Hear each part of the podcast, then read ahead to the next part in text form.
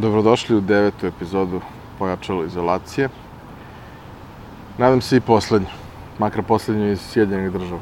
Ako je sve kako treba, u trenutku kada se ovo bude emitovalo, ja ću već biti u Beogradu. E, snimam ovo bukvalno dan pred polazak za svaki slučaj, da se ne oslanjamo na to da ću moći da snimim epizodu čim stignem u Beograd a i za svaki slučaj da se ne oslanjamo na to da će svi letovi proći kako treba, iako za sad svi stoje i postoje i svi su potvrđeni i tako dalje.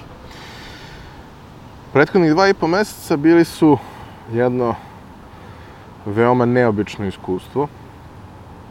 Neobično iskustvo koje nisam baš siguran da bi bilo ko od nas želeo da ponavlja u životu. A, mojih prethodnih dva i po meseca su bili ok i jedan dobar deo a, ako bismo gledali taj kolač, zašto je to bilo tako, jedan dobar deo tog kolača bi bio i to što a, sam imao vas, koji ste mi redovno pisali i redovno zabavljali moj mozak nekim vrlo zanimljivim stvarima. Hvala vam još jednom na tome. Bukvalno od Aljaske do Kamčatke do Novog Zelanda mislim da smo pokrili sve neke veće regije u svetu u, u mailovima u prethodnih par nedelja i um, u svakom slučaju veliko hvala za to i veliko hvala za to što ste odlučili da i u tom periodu koji je bio vrlo zahtevan za, za sve nas uh, pokušate da slušate ovako nešto što će vas naterati da radite stvari koje možda ne naterati, ali motivisati da radite stvari koje možda na prvu loptu i nisu nešto što, što biste možda želeli. Odnosno, odnosno, nešto što će vas naterati da se malo izmestite iz zone komfora, jer postoji to magično mesto ovaj, gde se dešavaju fantastične stvari, a ono se nažalost nalazi izvan, izvan te zone. Mislim da su ova dva i po meseca u tom smislu bilo vrlo interesantna, upravo zbog toga što smo po defaultu svi bili izbačeni iz svoje zone komfora.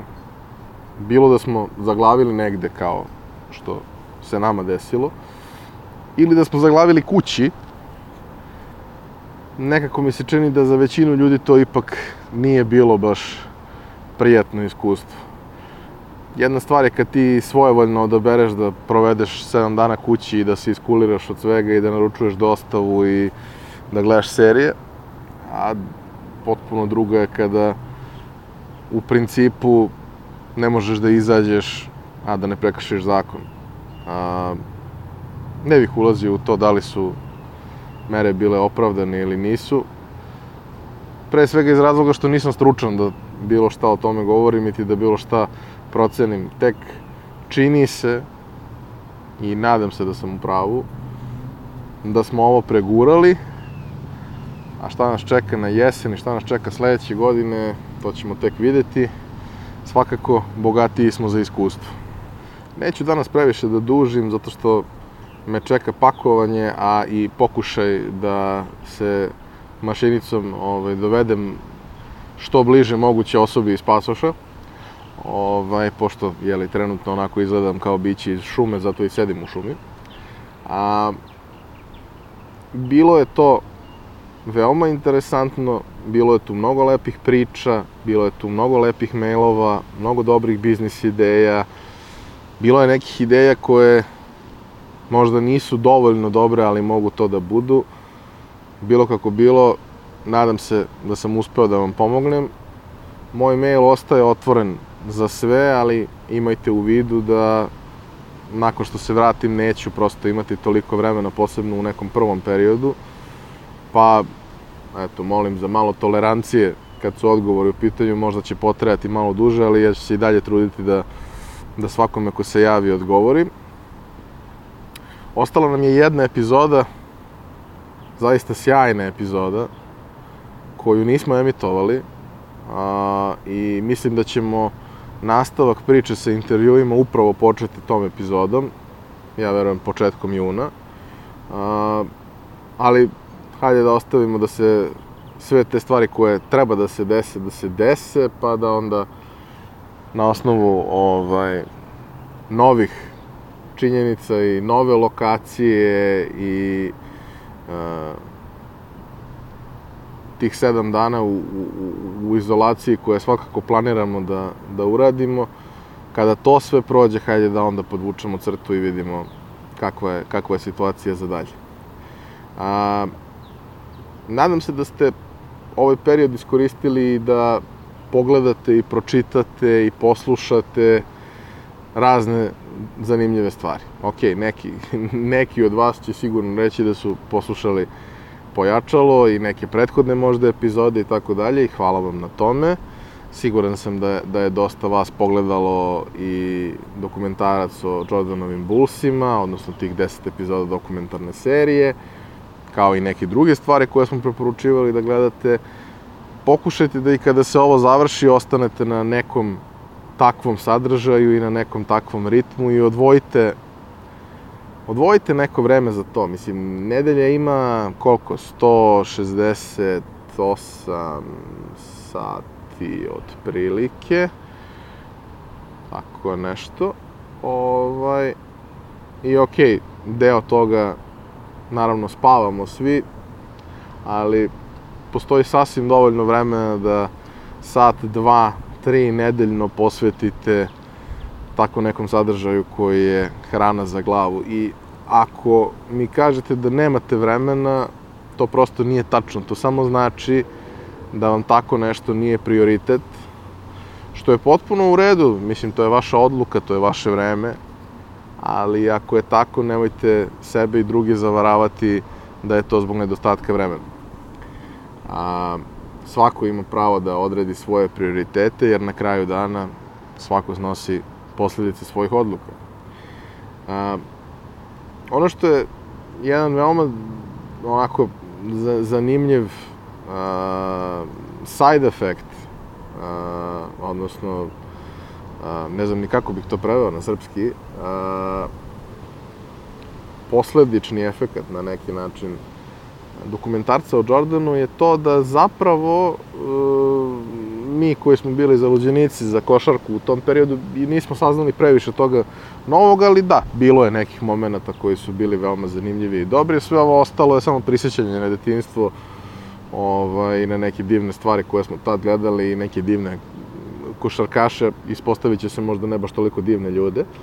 A, ali ono što je veoma zanimljivo je da je dokumentarac pratila serija tekstova na gomili drugih sajtova, serija podcasta, serija a, raznih vrsta intervjua sa, sa protagonistima, a, svima faktički osim Jordana, u kojima oni kažu svoju verziju priče, u kojima oni dele anegdote koje možda nisu ušle u, u, u dokumentarnu seriju i tako dalje. I to je isto sadržaj koji bih hteo da vam preporučim da pogledate, jer uvek bez obzira na, na sve, jeli, istoriju pišu pobednici, ako je neko bio pobednik, bio je Michael, taj dokumentarac je samo priča iz njegovog ugla. Iz njegovog ugla sa kojim se ni većina saigrača ne slaže.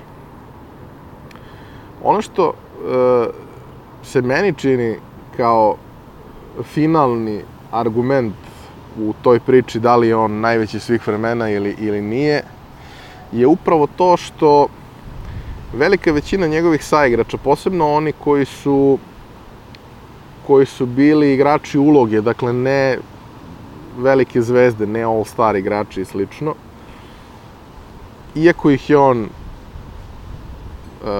ha, možemo reći, izlostavljao, u svakom slučaju uh, uznemiravao svojim napadima na njih, svi oni su 20 i nešto godina kasnije rekli da je on od njih napravio mnogo bolje igrače. E, to je nešto kada pravite razliku. To je situacija u kojoj on postaje veći od, od, od svih ostalih. Sad, naravno, neko će reći da je bio tiranin, neko će reći lako je bilo njemu zato što je imao sve te zvezde u sebe, pre svega, da kažemo, Rodmana, Pipena, kasnije Harpera i Kukoča. Ali ono što gotovo svi zaboravljaju je da su ti ljudi zapravo od tog trenutka pa nadalje svi značajno pali u karijeri i nikada više nisu igrali na tom nivou na kom su igrali tu. A to nam govori da su možda onaj tip ljudi koji je neko morao da tera. E sad, vi možete da kažete ja ne želim da me iko tera. Možete da kažete i ne želim nikog da teram. Prosto ne želim nikog da teram. Moj je izbor da ako nekog moram da teram, neću da radim sa tom osobom.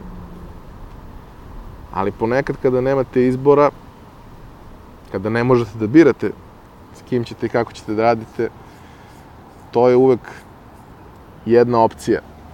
Naravno, ne mislim da su metode koje je on koristio bile ispravne, ali ako cilj opravdava sredstvo, onda su definitivno bile prihvatljive. A na vama je naravno da procenite da li cilj, a to je šest šampionskih titula, opravdava sredstvo, a to je trash talk u nekom krajnjem smislu te reči. A, za kraj samo želim da, da još jednom kažem da je sav sadržaj koji sam ovde proizveo bio vrlo ličan, da nije bilo previše planiranja i da je to prosto uglavnom bio moj odgovor na prethodnih nekoliko dana vaših mailova, u nekim slučajevima i malo, uz malo veći uzorak, jel, sa, sa ciljem da se adresiraju sve neke važne teme koje ste, koje ste želeli da, da pokrijemo. A, obećao sam vam da i kada se vratimo da ću pokušati da nastavim ovaj format. Ne znam da li će to biti na nedeljnom nivou, još jednom kažem pokušat ću da to bude, da to bude tako. Ako se to uh, ne nastavi na taj način, uh, to ne znači da vi ne treba da nastavite da pitate, a ja ću pokušati da nađem adekvatan način da na to odgovorim i za sve teme za koje se ispostavi da su uh, predmet interesovanja nekog malo većeg broja ljudi, pokušat ću da napravim nešto, pa makar to bilo i kao i sada snimano telefonom u nekom parku. Nema baš previše lepih parkova u Beogradu, nažalost, barem ne onih u kojima nije buka. Ovaj, ali imam ja neka druga rešenja za, za lokacije, pa možda to bude sasvim ok. U svakom slučaju, intervjui postaju ponovo naša centralna tema, a sve ovo ostalo vidjet ćemo da nastavimo u nekom formatu.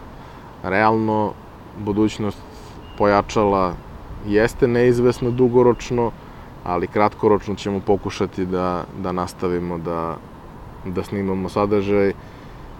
Pre svega iz razloga što je to nešto što, što, što volimo da radimo i što mislimo da je potrebno i što gledajući kako većina ovaj, nekih kolega koje, koje su krenule slične stvari rade to, ima tu jako lepih primera, ima tu dobrih intervjua, imate šta da pogledate i da poslušate, ali nekako gledajući to sve sa strane, stičem utisak da to ipak nije ispričano na način na koji bih ja to voleo da ispričam, a čini mi se da za to kako ja volim da, da ispričam te priče, postoji publika i mnogo mi se dopada ta publika i što je više upoznajem, to mi je draža i nekako ne želim da izneverim.